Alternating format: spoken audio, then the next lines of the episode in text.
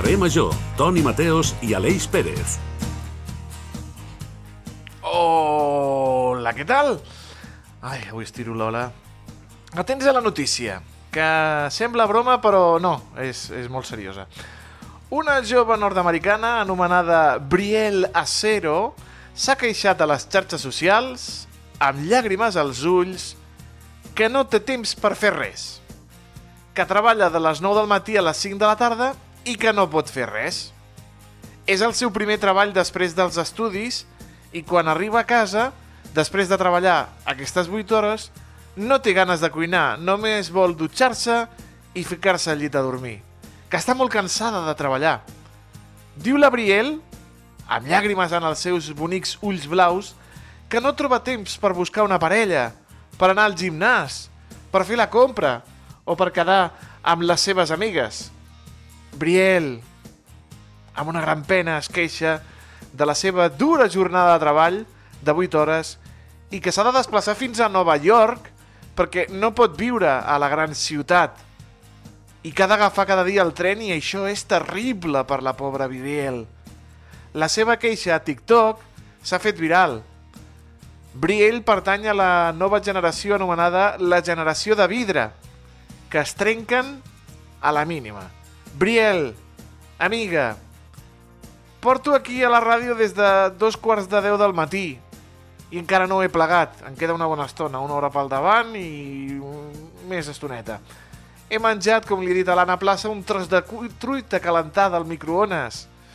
Però estic amb tu, eh? Que dura és la vida del treballador, eh? Tinc ganes de plorar. Tu, a quina hora has entrat a la ràdio, Aleix Pérez?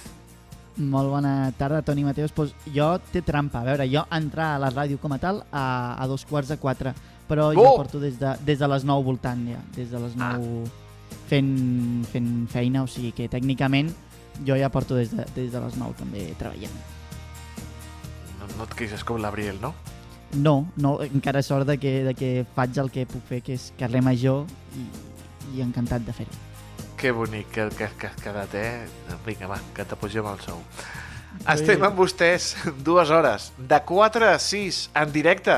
Però al darrere tenim moltes hores de treball per oferir-los un programa de qualitat fet per Ràdio Ciutat de Tarragona, la nova ràdio de Reus, Altafulla Ràdio, Ona la Torre, Ràdio Montblanc, Ràdio La Selva del Camp, Ràdio L'Hospitalet i Baix Camp Ràdio. I que és el carrer Major i moltes, moltes hores a l'esquena, també del nostre tècnic, en Diego Moreno, perquè tot soni perfecte. Ànims, estimada Briel, una abraçada des del carrer Major. Som-hi.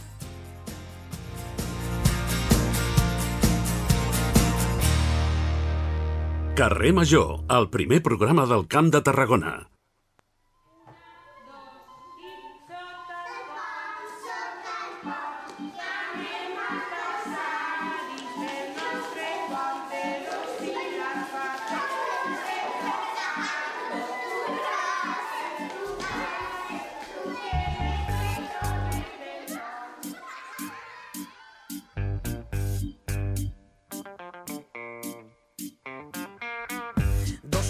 4, 4 i 2 són 6, escola arreglada i frustrada. No parles ni jugues si no tens permís, la creu, la sotana i la vara. Conjuguem presents imperfectes, li restem la X al futur. Castrem a les feres al centre, esforço de treball del segle XXI. Hem planificat les conductes, no deixem ja marge per la creació. Dibuixem futurs plens de dubtes, ni somnis, ni jocs, ni improvisació. Infàncies al contenidor, 10 hores al dia, un temps que era or. Esclaus d'un estat opressor. Perdona tu pueblo, senyor. Mare, mare, que jo no vull tornar a resar i callar quan ells manen. Pare, pare, jo volia somiar i volar i allà estar en les ales. Contrabandista de verbs clandestins, o escampant del verí. Pobles vius i senders infinits, quin gust sentir-la parlar. Si del carrer i el corral és la mà, i ara hi ha un poble que brama en un idioma proscrit. I en eixe context arriba una mestra rebel, decidida, valenta. La infància en disputa es conquesta, el dictador mor es comenta. Tenebres s'emporta el difunt, canviem els costums, morta l'obediència. Trenquem el rosari, cremem els apunts, davant el futur la innocència. Arriba l'expedient disciplinari, volem que memoricen l'oració i l'abecedari, horaris estrictes i un pati ben delimitat, centre penitenciari de cristians. Vinguen l'alcalde, la guàrdia, inspectors a defendre l'absurd, a donar-li lliçons. No van poder, mai no podran, d'aquella mestra, avui som alumnat aventajat. Mare, mare, que jo no vull tornar a resar i callar quan ells manen. Pare, pare, jo volia somiar i volar i allà estar en les ales. Contrabandista de verbs clandestins, o escampant del verí. Doncs aquests que sonaven eren els Zo, amb aquesta cançó que es diu L'Escola, no? La mestra es diu. Es diu la La mestra. mestra, la mestra, la mestra, vale, vale, vale. És que no, no, no domino molt del- del- d'aquest grup de, del País Valencià. Eh, que em perdoni el nostre expert en música, el David Perdonat. Fernández. Perdonarà. Segur que et perdona, segur que et perdona. Segur que em perdona, segur que em perdona. Doncs mira, si et sembla, anem a escoltar, perquè estem intentant contactar amb la nostra primera convidada, si et sembla, anem a escoltar a l'home que més sap de música del carrer Major, que és el David Fernández. A veure, a veure què ens prepara avui, a veure com sona la banda sonora que ha escollit avui.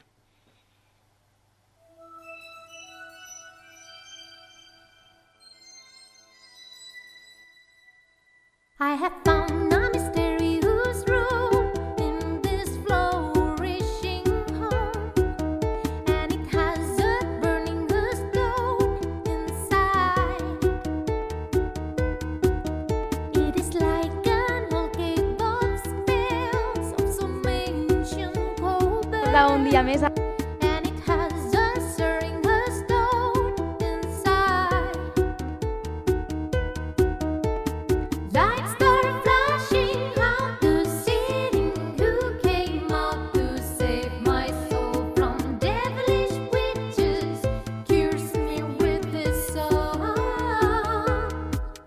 I have found a delirious. Uh, és una cançó en anglès, eh, però la, la particularitat del David Fernández és que sempre escull eh, cançons del territori.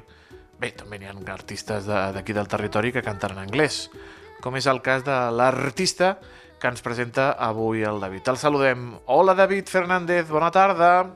Hola Toni, hola Aleix, molt bona tarda. Avui escoltem una novetat discogràfica recent, recent sortida del forn perquè tot just s'ha editat fa poques hores. Resulta que avui, a més a més, és l'aniversari de la cantautora que assigna aquesta música. Per tant, ja ho veieu que avui és un dia especial per l'Olga Pes, aquesta compositora, productora i cantant que al llarg de la seva discografia ha viatjat musicalment entre el pop-folk, el jazz i fins i tot els mantres. Avui publica un doble treball discogràfic, per un costat Hello Sun i per un altre Hello Moon, si busqueu a Spotify doncs ja el podreu trobar, que són dos discos on la Olga es troba amb músics que havien tocat amb ella fa més de 20 anys quan es dedicava a fer música en rock. En aquest cas, la Olga segueix apostant per un estil musical tranquil, assossegat, íntim, i aquesta cançó que estem escoltant potser seria de les més animades que trobem en aquest doble treball. Això es diu The Room i és una de les cançons d'aquest disc que avui mateix, com diem, ha editat la Olga Pes. Avui, doncs, Olga Pes és la banda sonora del dia del carrer Major. It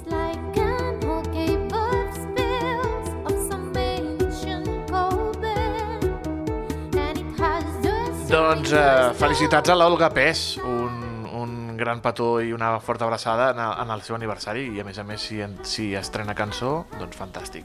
Vinga, va, anem amb el primer tema perquè després de 4 anys tancada ha tornat a obrir l'Escola d'Adults d'Altafulla, un espai necessari que va ser tancat per problemes amb la gestió anterior de l'espai. Finalment, l'escola, com ens agrada, torna a bategar. Les seves classes s'omplen de gent amb ganes d'aprendre torna a haver-hi vida després d'aquell últim curs del 2018-2019. Per parlar de com ha estat la tornada a les aules, tenim al telèfon a la regidora d'Educació de l'Ajuntament d'Altafulla, la senyora Eva Martínez, a la qual saludem. Senyora Martínez, bona tarda. Hola, molt bona tarda. Moltíssimes gràcies per convidar-me al programa. No, Doncs, gràcies, eh, gràcies a vostè. Molt bé. Doncs mira, estem molt satisfets d'aquesta nova obertura del, del Centre de Formació d'Adults a Altafulla. després de tots aquests anys que, que ha estat tancada l'escola, doncs la, la veritat que havíem perdut aquest espai de sociabilitat. I bé, ara arrenquem, arrenquem aquest trimestre amb tota una sèrie de programació inicial que, que oferim mitjançant l'empresa Septual, que és l'empresa que ara ha guanyat la licitació i és la que du a terme la, la gestió de l'escola, i aleshores bé, doncs hem iniciat amb tota una sèrie de programació, sobretot el, el tema de llengües, d'alfabetització, de català en tots els nivells i també llengua estrangera com són l'anglès, l'italià, l'alemany i en breu doncs, posarem en marxa també els cursos de- d'alfabetització digital i, i també els nivells de 1 i 2 amb noves tecnologies. Mm. Anem a pams, regidora. Què va succeir perquè es tanqués aquesta escola d'adults? Bé, doncs va haver-hi bastanta polèmica perquè bueno, va haver-hi una denúncia per part d'algun treballador de l'escola perquè ells eh, no estaven contractats directament per l'Ajuntament i aleshores doncs, eh, la majoria haurien de ser o autònoms o facturar des d'una des d'una cooperativa. Aleshores, mm, davant d'aquesta irregularitat, perquè això ja feia molt temps que, que succeïa, doncs eh, un, un col·lectiu de professors va denunciar aquesta irregularitat i aleshores, doncs, entre tant, no teníem una resolució ferma, doncs eh, es va optar per tancar l'escola. I aleshores això és el que ha anat passant, després va vindre l'època del Covid i bé, doncs han passat els anys i estava el centre tancat. Aquest, aquest procés, aquestes protestes, aquestes denúncies han marcat a l'escola i també a la població. Com van ser aquells dies? Com els recorda vostè, regidora? Et refereixes als dies de les denúncies en el, en el sí, moment sí, sí, el, que, el, que es va el curs tancar l'escola? 2018... Sí, sí, el du- el Clar. 2018-2019. Jo el recordo des de la part de la votació, donat que en aquell moment doncs, no, no era regidora, i aleshores doncs, bé, doncs va ser una gran, una gran pèrdua. Eh, de fet, la gent tenia moltes expectatives en l'escola, hi havia uns 250 alumnes en aquells moments, i bé, doncs es van haver de, de reorientar i es van haver de, de buscar altres alternatives a les poblacions veïnes. I, i després, clar, la incomprensió de, del per què havia passat això, per què no se li posava una solució, i aleshores, bé, doncs va quedar tot així com, com molt a l'aire i la gent va quedar molt decebuda. Sí, eh, bona tarda, regidora. Eh, després de tots aquests problemes que ha anat comentant, qui i com gestionarà aquesta escola d'adults i també una mica què es farà per evitar que es tornin a, que, que tornin a passar doncs, les situacions que van passar amb anterioritat.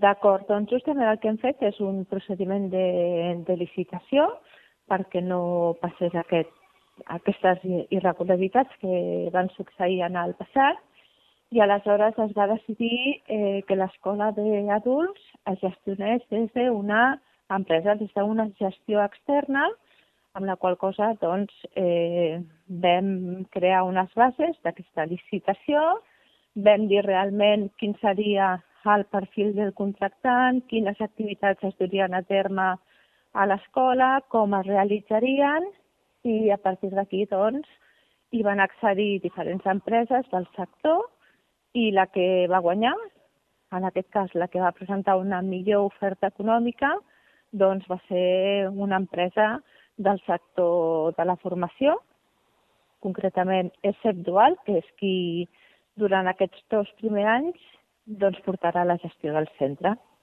Dos anys que seran prorrogables a dos anys més. Uh -huh. I, bueno, ha, tornat a bategar l'escola. Com han anat les inscripcions, regidora? Quants alumnes té actualment la- l'escola d'adults d'Altafulla? Bona pregunta. Doncs actualment comptem amb uns 75 alumnes. Uh -huh. és, eh, hem posat en marxa una maquinària que ha estat molts anys aturada i aleshores, eh, conscients de- de- d'aquest- d'aquesta arrencada, sabem que per assolir l'objectiu d'on veníem, d'aquells 200, 250 alumnes, doncs necessitem més rodatge. Aleshores, bé, no, no està gens malament, ens donem per sat- satisfets aquest primer trimestre doncs, tenir uh, aquesta massa d'alumnes, aquests 75 alumnes més o menys, però sí que de cara al curs vinent doncs, eh, li donarem una volta important a la programació de l'escola. De fet, tenim molt bones propostes per part de l'empresa, ja que eh, incorporarem, a part de les eh, formacions que us he comentat abans, doncs eh, inclourem també oferta formativa, programes subvencionats pel SOC, i aleshores doncs, pensem que, que això també li donarà un altre tom. També per part de l'empresa ens ajudaran amb el que és la- l'homologació per donar doncs, aquells eh, cursos que puguem donar certificacions acreditatives que de cara doncs, a, al món laboral pensem que l'alumnat doncs, eh, serà molt, molt ben rebut totes les opcions que presentarem. Mhm. Com diu vostè, ara la- la- l'escola ofereix eh, oferta formativa d'idiomes, però és important no? eh, que s'aconsegueixin doncs, aquests convenis amb el SOC per fer cursos i també doncs, homologar el centre. No? Seria la, la passa definitiva, no, regidora, per, perquè tingui formació reglada amb certificats oficials, no? Exactament, aquest és l'objectiu. Eh? Un cop ja tinguem l'escola homologada, doncs podem fer eh, cursos d'accés a la universitat, graduació d'ESO i bueno, tota, tota aquesta part reglada que podem oferir que serà doncs, molt interessant per la, per la població. A més a més de tots aquells eh, cursos ja més monogràfics, perquè volem incloure petites formacions, com són, per exemple, cursos de, de cuidadors no professionals de l'àmbit de la salut o, o altres cursos doncs, eh, de prevenció de la salut, de primers auxilis, de manipuladors d'aliments. Vull dir que l'escola serà també una escola viva on tindrem cursos més en format taller que, que donarem doncs, aquestes eines a la població en general, que pensem que també doncs, sumarà i serà encara més atractiva aquesta oferta. Entenc també, regidor, que confien en, també en l'efecte boca-orella i la facilitat no? de, de que la gent hi pugui accedir en aquests cursos. Sí, sí, sí, sí. Ara, bueno, estem fent una gran campanya de, de difusió i tenim previst, doncs, eh, el nostre estimat espai de, de la, la Violeta, el casal de la Violeta, en un, en un futur proper, doncs, fer una, una petita una petita conferència de cara doncs, a que la població pugui vindre, pugui recollir tota, tota l'oferta que tindrem per al curs 2023-2024 i també doncs, obrir una miqueta a la població doncs, totes les eh, inquietuds i recollir doncs, eh, el que esperen d'aquest centre. Si en quatre anys un edifici no, no, no té vida, eh, es, es deteriora i la, el, el material també es fa vell, encara que no es faci servir. S'han fet millores aprofitant el temps de, del tancament a les infraestructures i com ha arrencat aquest nou curs a l'escola d'adults? Bé, doncs imagina't, eh, molt ben dit, perquè aquests anys que he estat tancada a l'escola, tot i que dins de l'escola hi teníem el PTT, el Pla de Transició al Treball, De transició al treball. amb, Mhm. amb vivers de, i jardins que penja de l'Institut d'Altafulla en coordinació amb, amb l'Ajuntament. Però, clar, això ocupava una aula i les altres aules de l'escola doncs, estaven deteriorades en quant a pintura, en quant a manteniment, en quant a mobiliari, i com et pots imaginar, tots els ordinadors que teníem doncs, estaven completament obsolets. Què hem fet durant l'estiu? Doncs aprofitar el personal de la brigada, que ens ha fet un bon manteniment, ens ha posat les aules amb uns colors doncs, molt vius i molt, molt alegres i la veritat doncs, que ha estat una bona rentada de cara, sembla, sembla nou, fins i tot la façana per fora, que estava doncs, ja d'un blau gairebé descolorit, doncs també s'ha ha recobrat el color, el color inicial. Imagino, regidora, que un dels objectius és, eh, quan es va tancar l'escola, molta gent va buscar eh, opcions ràpides, se'n van anar a altres poblacions, a fer a, a, es- a escoles d'idiomes d'altres poblacions. Imagino que un dels objectius també principals és recuperar l'alumnat d'Altafulla, que no marxin fora per estudiar anglès o altres idiomes, i també ampliar-lo no? amb, amb aquests futurs cursos, com ha dit vostè, de, de formació reglada, amb certificats oficials, no? Sí, exactament. Eh, segurament, de cara al curs 2024-2025, podrem tornar a captar aquests alumnes que vam perdre el seu dia. Ara sabem que l'escola ha començat a l'octubre i segurament aquests alumnes que ja es van ubicar a altres poblacions veïnes doncs ja no hem estat a temps. Però bé, doncs ara ens toca fer aquesta feina de picar pedra i tornar a rellençar l'oferta a l'escola i posicionar-la posicionar de nou al lloc on, on ha estat i on es mereix i on, on espera la població. Doncs naltros, des d'Altafulla Ràdio i des de les eh, vuit emissores que fem possible al, al carrer Major, estarem ben atents a l'evolució d'aquesta escola d'adults d'Altafulla que ha tornat a obrir portes. Volem agrair aquests minutets que ens ha dispensat la regidora d'Educació, la senyora Eva Martínez de l'Ajuntament d'Altafulla. Moltíssimes gràcies i enhorabona i a disfrutar d'aquesta escola d'adults. Que bé, que bé. Moltíssimes gràcies a vosaltres per, per aquest petit espai. Que vagi molt bé, una abraçada. Una abraçada. Adéu. Adéu. El valor del Camp de Tarragona. Carrer Major. In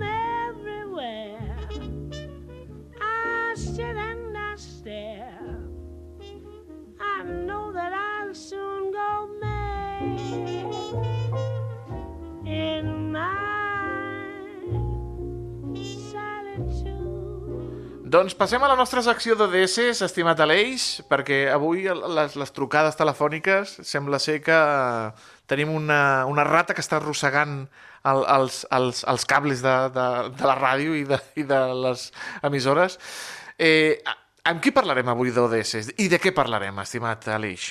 Doncs mira, és hora de passar als ODS, ja, com ja saben, tots els dimarts i tots els dijous, doncs és hora de dediquem una estoneta a parlar dels objectius de desenvolupament sostenible, que ens posen doncs, uns deures, unes tasques, uns objectius com a societat que hem de complir abans de l'any 2030, que es diu ràpid, però ja comença a quedar poc. Aquí a Carrer Major doncs, ens agrada parlar de diferents iniciatives del territori o que hi arriben també, com és l'exposició Més lloc per la fosca. Ho podem encabir dintre de l'ODS número 13 que parla de l'acció pel clima. Per parlar-ne tenim a l'Elvira Prado, comissària de l'exposició. Molt bona tarda, senyora Prado. Bona tarda. Eh, aquesta mostra és una visió eco- ecocrítica de solitud de Víctor Català. Primer de tot, anem a pams. Què és una visió ecocrítica? Exacte. És una cosa que ve més del món anglosaxó, dels estudis literaris, i el que fa és que eh, mira obres de la literatura i, i tot tipus d'expressions culturals també eh, per analitzar de quina manera hem construït culturalment eh, la natura, la resta de la natura.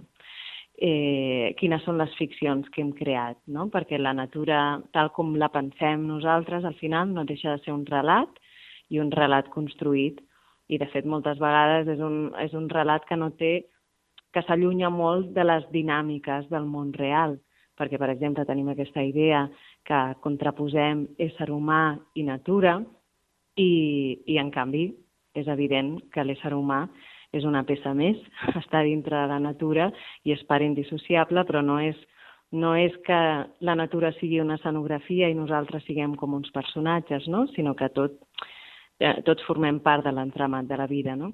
Llavors, una mica Solitud és una obra precursora de l'ecologisme, podríem dir que Víctor Català era una protoecologista, i, i llavors una mica vol posar en valor, aquesta ex- exposició vol posar en valor aquest ecologisme de, de Víctor Català i, i vol fer palès que, que era una visionària en aquest aspecte, no? Entre altres coses, eh? Hi ha més coses també. Sí, a més, jo, jo recordo de, de llegir-la en el seu moment per la selectivitat i m'atreviria a dir a més que també és un d'aquests llibres que amb el pas del temps també se li va trobant el significat. Sí, exacte. Tam sí, també perquè és una lectura no, que potser arriba en un moment si no, si no dones eh, més eines per llegir-la, perquè Víctor Català una altra obsessió que tenia era, eh, era una mica tenir cura, eh, conservar, eh, preservar la llengua, les expressions, la tradició oral, també hi ha moltes rondalles, la solitud, Eh, I clar, eh, tot això és, és una mica, si no, si no ajudes una mica la gent o guies una mica la gent, de vegades es pot fer una mica feixuc. Però en realitat l'argument és un argument, clar, molt potent, que, perquè al final no deixa de ser Sí. la història d'una violació i el camí de la Mila, la muntanya de solitud, és tot, és tot el terror aquest eh, somort que, que passa a la Mila i que no sap ben bé què és i que al final descobreix no? que és això, no? que és aquest, que és l'ànima que Sí. l'assetja i que al final la viola. I el que volia Víctor Català, entre d'altres coses, era parlar d'això, de la violència de gènere en aquell moment, i era una cosa absolutament transgressora, perquè el 1905 ningú parlava d'aquesta manera tan clara, tampoc ningú estava parlant dels desitjos sexuals de les dones i Solitud també tracta moltíssim això, no? s'expressa clarament com la Mila està frustrada sexualment perquè, eh, perquè en realitat, encara que està casada, és verge, perquè amb el seu marit eh, no tenen relacions, i hi ha moltes raons per les quals Solitud és absolutament trencadora en el seu moment i en moltes coses continua sent-ho ara, perquè en la part ecologista, mmm, diguéssim que estava més avançada del que encara estem ara, no? Sí. I què pot trobar la gent que faci cap a partir del 18 de novembre al Museu de la Vida Rural de l'Espluga de Francolí? Doncs el que trobaran és que hi ha tot d'artistes contemporànies que han establert un diàleg amb solitud. Llavors, de banda de... D'una banda tenim també obres plàstiques eh, de Víctor Català, de Caterina Albert, perquè quan, quan pintava signava com a Caterina Albert, eh, que és una faceta desconeguda de l'escriptora, i és que ella també era artista plàstica, i és una faceta que no va desenvolupar més perquè a la seva època no hi havia artistes plàstiques dones que fossin una altra cosa que professores, és a dir, no es podien dedicar a ser artistes. Eh, I llavors no, va deixar una mica de treballar més aquesta faceta d'escultora i de pintora precisament per això. I, i trobarem obres seves i trobarem dues artistes eh, visuals que treballen a partir de la seva obra plàstica, que són l'Alba G. Corral, eh, que, viu a, que viu a la Ràpita, i treballa, i és artista digital, és una de les precursores de l'art digital aquí a casa nostra, i després hi ha la Mireia Coromina, que treballa més amb, amb una obra matèrica, i després tenim altres artistes que ja sí dialoguen amb el contingut de solitud i amb el contingut de la natura a solitud. I també aquest projecte s'ha gestat també en part a comarques gironines, però per què ara fa cap fins a Conca de Barberà? Doncs mira, perquè jo una de les coses que volia fer era també, d'una banda, ressaltar la contemporaneïtat de, de, de solitud, però per, per una altra banda jo veia molt clar, a solitud hi ha tota una voluntat de recuperació de, de la tradició oral i per tant està molt relacionada amb un, amb un museu d'etnologia com el Museu de la Vida Rural i per una altra banda també coincideix amb aquesta visió ecologista en aquesta visió ecologista que, que té el museu també. No? El museu té tota aquesta línia per la sostenibilitat i, i en aquest sentit, eh, per aquestes dues raons, eh, m'interessava molt eh, fer una coproducció amb el Museu de la Vida Rural. També em sembla molt interessant que un museu d'art contemporani com el Bòlit de Girona i el Museu de la Vida Rural, que és un museu etnològic, es posin a dialogar, perquè sempre hi ha aquesta cosa de... No, el que és tradició és eh, baixa cultura una mica i el que és eh, contemporani és alta cultura i es fa com aquesta distinció, no? La cultura popular és una cosa i la cultura en general és una altra. I amb això fem una declaració d'intencions també, les directores de tots dos centres, Ingrid Guardiola i Gemma Carbó, i fem aquesta declaració d'intencions de la tradició, la, la, la cultura del poble i la cultura de, de les elites eh, han de treballar plegades d'alguna manera, no? i no hi ha d'haver aquesta escissió entre totes dues cultures. I si hi ha tanta història darrere, a mi m'agradaria saber també si hi ha algunes més obres dintre de, de, de, de la literatura catalana o, o ja no, no literatura, sinó també qualsevol mena d'art que també pugui tenir aquesta visió ecocrítica. Uh, sí, n'hi ha moltes i sobretot uh, ara mm, diguéssim que són més cap a, que venen més cap aquí. Eh? De fet, farem activitats paral·leles. Uh, ara al desembre tenim la presentació d'un llibre que no és català, és austríac, però és un llibre que va ser també clau de, va ser també precursor del moviment ecologista, que és del 1963, que es diu La Paret, i eh, va ser un, un hit absolut a, a Àustria i ho ha estat recentment a França i ara tot just eh, tenim la traducció al català i hi haurà la Carlota Gurt, que és la seva traductora, i, i serem aquí. I després també, per exemple, eh, aquí tenim la Núria Perpinyà, que és una escriptora de Lleida, que treballa molt sempre amb aquesta visió i té diverses, diverses obres en aquest sentit. Té Diatomea, eh, que és la seva darrera obra, que precisament tracta del canvi climàtic i la tindrem aquí també al Museu de la Vida Rural al març, el Dia Mundial de l'Aigua, eh, juntament amb la Vanessa Freixa, que és autora de Ruralisme, que en aquest sentit també no? hi està relacionat.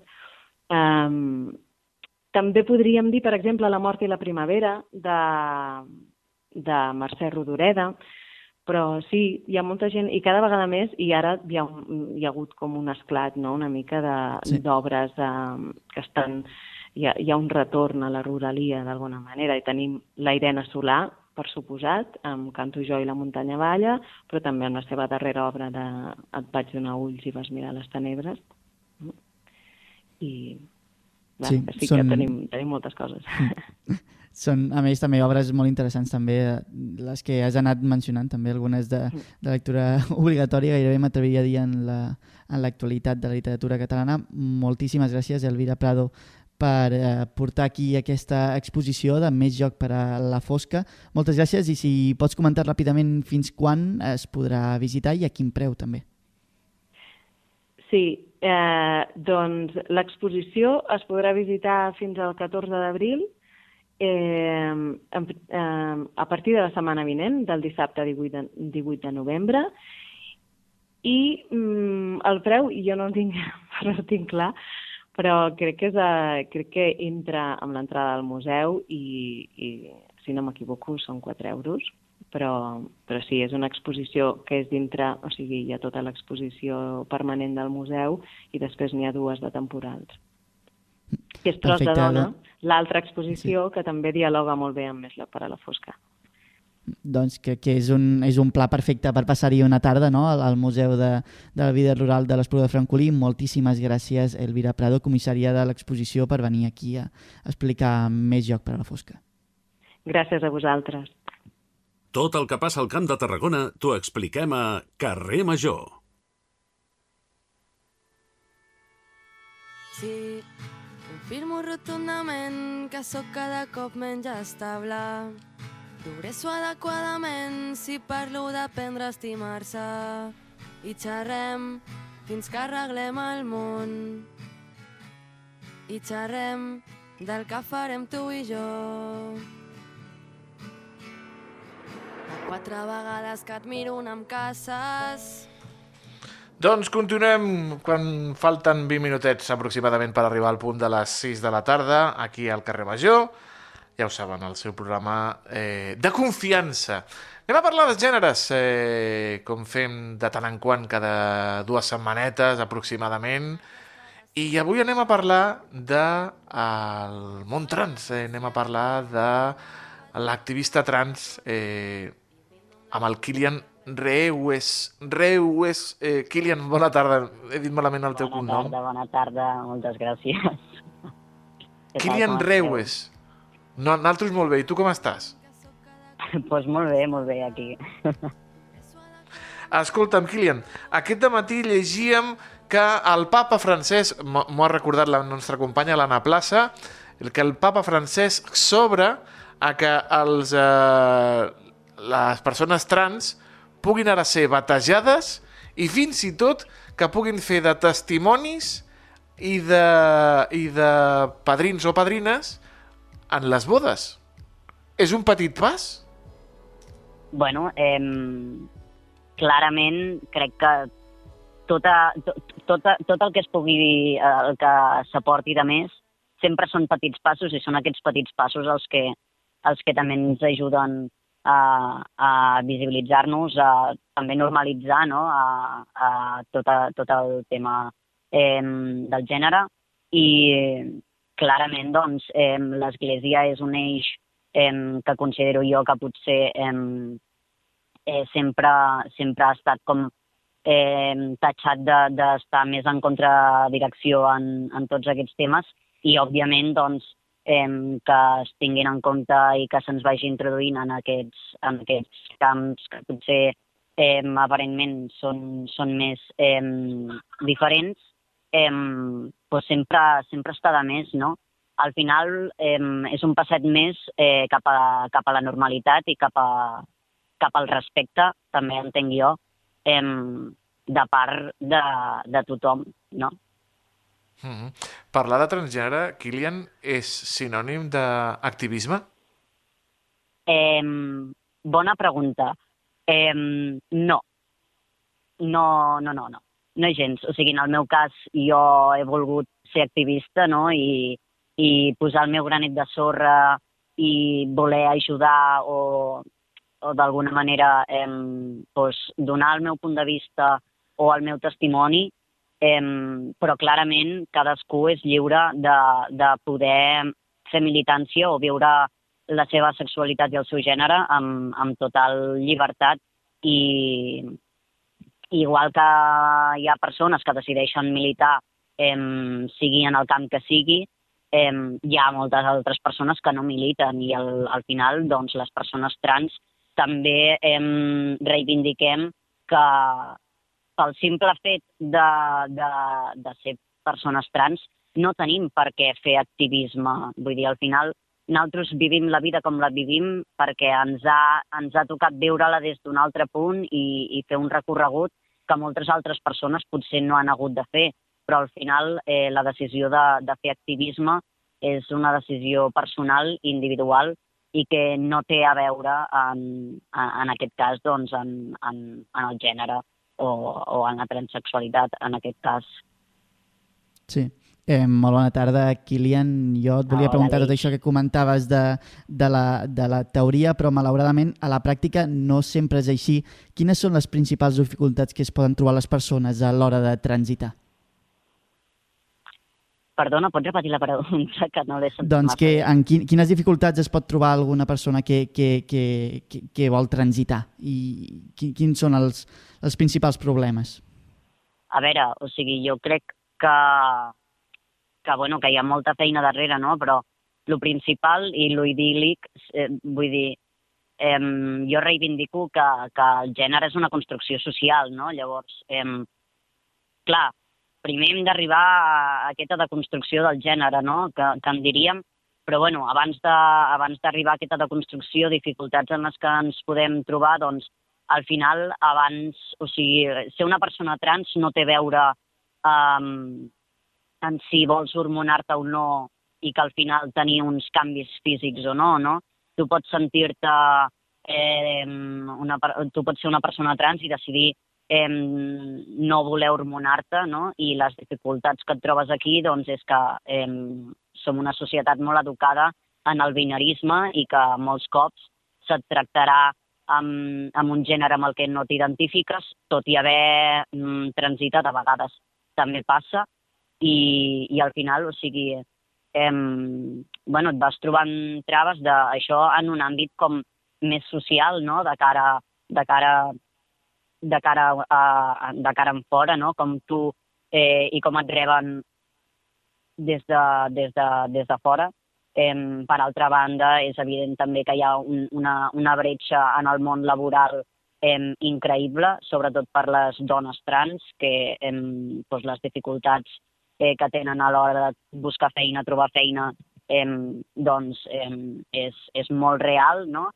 I també trobem, doncs, eh, de tant en tant, em, grans olejades mm, de discriminació, em, ja sigui verbal o física, que, que pel simple fet de voler mostrar-nos em, com som o de, de, de ser qui som, no?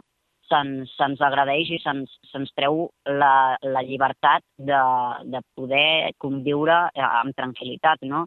Al final eh, hi ha inclús vulneracions eh, de, de drets fonamentals, no? I, i al final jo el que reivindico és, és, és això, no? el, el, el que al final són persones que nosaltres tampoc hem decidit eh, viure la vida com la vivim, ens hi hem trobat i, i, i, i, ens, i ens hem hagut de menjar una mica amb patates, no? com qui diu, eh, i que al final amb respecte s'arriba a tot arreu. Mm. Kirian, has parlat abans d'educació. S'educa de Mhm. manera correcta als col·legis, als centres públics, eh, sobre, sobre la transició? Em, jo crec que, que cada cop eh, s'educa eh, més i millor a, a les noves generacions. No? Em, considero que, que sí que s'està fent una feina de part de, dels docents, com a mínim aquí a Espanya o Catalunya, em, per introduir i parlar de gènere, per parlar de sexualitat, per parlar de masclisme, no? per parlar de, de molts temes que han sigut conflictius en, en, en, en, en la nostra societat i que segueixen sent conflictius. Però, bueno, és el que dic, eh, no, no, no podem tampoc pretendre canviar la societat d'un dia a l'altre i sí que considero que els docents a poc a poc eh, estan intentant fer la seva feina i introduir eh, aquestes noves eh, realitats eh, i que a vegades inclús és, eh, és més necessari educar a les generacions eh, potser que, que estan per sobre nostre, que són més grans que no les joves, no? Les joves, vulguis o no, doncs això, considero que les escoles o els centres educatius o, o per l'entorn, xarxes socials que hi ha, reben molta més informació i estan més educats i, i conforme eh, puges de generacions, són generacions que tenen molt, molt més intrínsec eh, alguns pensaments, no? també doncs, per l'època que han viscut, i que, i que a vegades doncs, em, la por o, o, o heredem dinàmiques eh, arrossegant em, aquests testimonis de generacions em, més grans. Però bueno, sí que considero que a poc a poc em, doncs, el, es, va, es va treballant i, i, i es van fent cosetes per, bueno, per, per arribar a conviure amb, amb tranquil·litat. Ets optimista? Jo sí, jo prefereixo ser optimista perquè si no, em, si no, plorar no, no, no serveix de res, no? Llavors, em, jo prefereixo pensar en positiu i intentar també doncs, pensar en positiu però també des de la proactivitat, perquè si tothom pensa en positiu però ningú està disposat a donar, em, tampoc avançarem. Doncs nosaltres, ja saps, tenim un espai eh, cada cert temps aquí al carrer Major on parlem de gèneres i avui hem parlat amb el Kilian Reues, activista trans, sobre eh, l'activisme, sobre eh, el, trans, el transitar i sobre el col·lectiu trans al, al Camp de Tarragona. Kilian, un plaer, moltíssimes gràcies. Eh, Igualment. A veure si parlem aviat. Molt bé, moltes gràcies a vosaltres. Una abraçada, que vagi molt una bé. abraçada. Una abraçada. Estàs escoltant Carrer Major. Doncs mira, a 10 minutets per arribar al punt de les 6, què et sembla, estimat Aleix, si... Rum, rum, rum, rum! Ep, Posem... jo- que m'ha sortit molt bé, eh? Eh, jo tinc una pregunta, Toni Mateus. Creus que la furgó és la mateixa que tenia el Miquel Llevaria ara la Cristina Artacho? No, no, no, no, no, no, no. és no, diferent. No, no, no. És Va canviant diferent, com Doctor diferent. Who, que van canviant la tardis a cada viatger del Ah, aquí temps. està, aquí està, van canviant de doctor i van canviant de tardis de la, de la cabina telefònica. Aquesta furgoneta és diferent. Aquesta me sembla que té eh, no, suspensió espacial o algun... No ho sé, no ho sé. Li preguntarem a la Cristina Algun Artacho, que avui ha, han anat a, a, cap, a, cap a un lloc de vins. Eh, és que bé que he vingut la... També comença bé, eh? comença molt bé. Se'n va a la... Se'n va a parlar del Fòrum Binàrium de Tarragona i la saludem. Cristina Artacho, bona tarda. I a més, a la Furgo del carrer Major, avui estem una altra vegada a Tarragona, en un lloc absolutament emblemàtic, com és la plaça del Fòrum, per parlar d'una cosa que jo crec que ens agrada a tots, que és el vi i les fires de vins. Eh, perquè aquest cap de setmana aquí a Tarragona, a la plaça del Fòrum, tindrem la cinquena edició del Fòrum Binàrium, que organitza el Gerard Escarrer de Borregas Gerard, què tal? Bon dia. I també estem amb la consellera de Comerç i de Turisme de l'Ajuntament de Tarragona, la Montse Adan. Hola, mo- molt bon dia. Primer de tot, Gerard, com funcionarà això? Recordem, és la cinquena edició, basat en l'èxit de les anteriors. Què esperem per aquest cap de setmana i com funcionarà? Molt bon ambient, ganes de disfrutar i ganes de provar cosetes noves. Què tindrem? Tindrem vins, tindrem cervesa, tindrem caves, quantes paradetes, quan ens costarà de preu comprar-ho? 500 euros l'entrada, està molt bé. No, seran, eh, el format sempre serà el mateix, 12 euros el pack Forum Binarium, que serà la copa de vidre, dos tastos de vins i un de menjar, o 12 euros, 5 tastos de vins, o 12 euros, 4 tapes de, vi, eh, de menjar. Uh -huh. I els vins seran tots de proximitat, de Tarragona, variats... Hi ha Priorat, Montsant, Terra Alta, ve un d'Empordà, ve un de la Rioja... En total som 18, 18 celles. I el menjar em sembla que sí que el posaran a el que són els comerços d'aquí de la plaça del Fòrum, els comerços de restauració. Correcte. Los- La restauració que hi ha al voltant de la plaça, ells se dediquen a fer la tapa i, i demostrar el que ells tenen en, en producte a, a la fira. Però els vins no serà l'únic que tindrem per aquí aquest cap de setmana, perquè per dinamitzar una mica l'ambient també hi haurà actuacions musicals. Hi ha la música... El dissabte es tirà la Dana, una xica que és cantant, que ho fa molt bé. Després es tirà la, eh, el sofà de la iaia, dissabte. I diumenge tindrem els tocabemolls, com no, i eh, l'último vinilo. I un aspecte també molt interessant d'aquest Fòrum Binàrium és que cada, cada edició eh, hi ha una part dels beneficis que van a una causa solidària. No sé si ens pots explicar exactament quina serà en aquest cas i com funciona també aquest tema del benefici. Bueno, aquest any ha sigut bastant fàcil perquè ja teníem contacte d'abans i aquest any va dedicat els diners que aniran destinats a l'Associació d'Epilèpsia d'aquí de Tarragona, que tenim a David, que és el nostre contacte, i bueno, agraïts perquè al final tots els diners que poguéssim ajudar a l'associació són benvinguts. I com funciona? Cada tíquet és solidari, de cada ampolla hi ha uns diners que van cap a l'associació Pilep, com funcionarà? Eh, mira, hi haurà una etapa que és solidària, que donarà una part del benefici. Eh, des de bodega, cada, cada tíquet que tenim eh, hi ha un tíquet diferenciat en una S, que aquells diners van destinats íntegrament a, a l'associació i de les, les ventes que es puguen fer a la bodega, cada botella que es ven, se dona un euro a la, a la causa. I per la part potser més institucional, Montse, eh, què és per l'Ajuntament de Tarragona? Doncs una vegada més organitzar un acte com aquest i, i què significa per tu? Perquè també és el teu primer fòrum binàrium com a consellera, no? És cert que mira, aquest any ho estic vivint tot de, per, primer, per primer cop, ho havia viscut doncs, com a tarragonina i ara doncs, des de l'Ajuntament. Doncs de l'Ajuntament i sobretot doncs, de la Conselleria de Turisme i de Comerç estem molt contents que hi hagin in iniciatives com les de Bodega Gerard que realment són un èxit i ajuden també a dinamitzar. Des de l'Ajuntament podem fer moltes accions però sense comptar doncs, amb, realment doncs, amb, amb projectes com el que el Gerard avui ens presenta i que ja veiem que és la cinquena edició i és un èxit, seria doncs, impossible si no, si no sumem entre tots.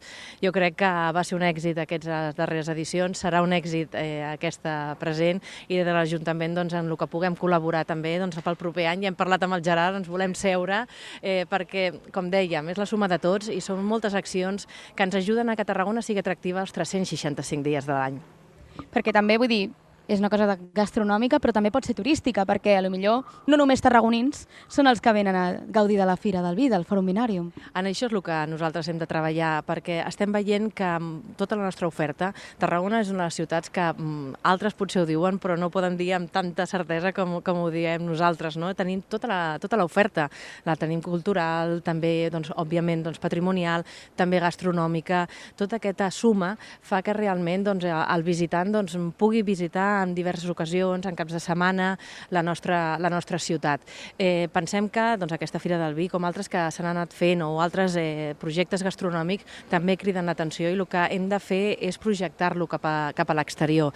Eh, nosaltres volem treballar també des de l'equilibri. Eh, pensem que les accions que s'han de fer des de comerç de turisme, òbviament, ha de comptar el tarragoní i la tarragonina, també doncs, ha de ser un del seu públic principal, però sense oblidar-nos per al visitant. No? I llavors, doncs, com dèiem, iniciatives com la del Gerard, que a mi li robo la frase, diu la part alta està de moda, jo li amplio. Tarragona està de moda, no? Les dades turístiques ens ho estan dient.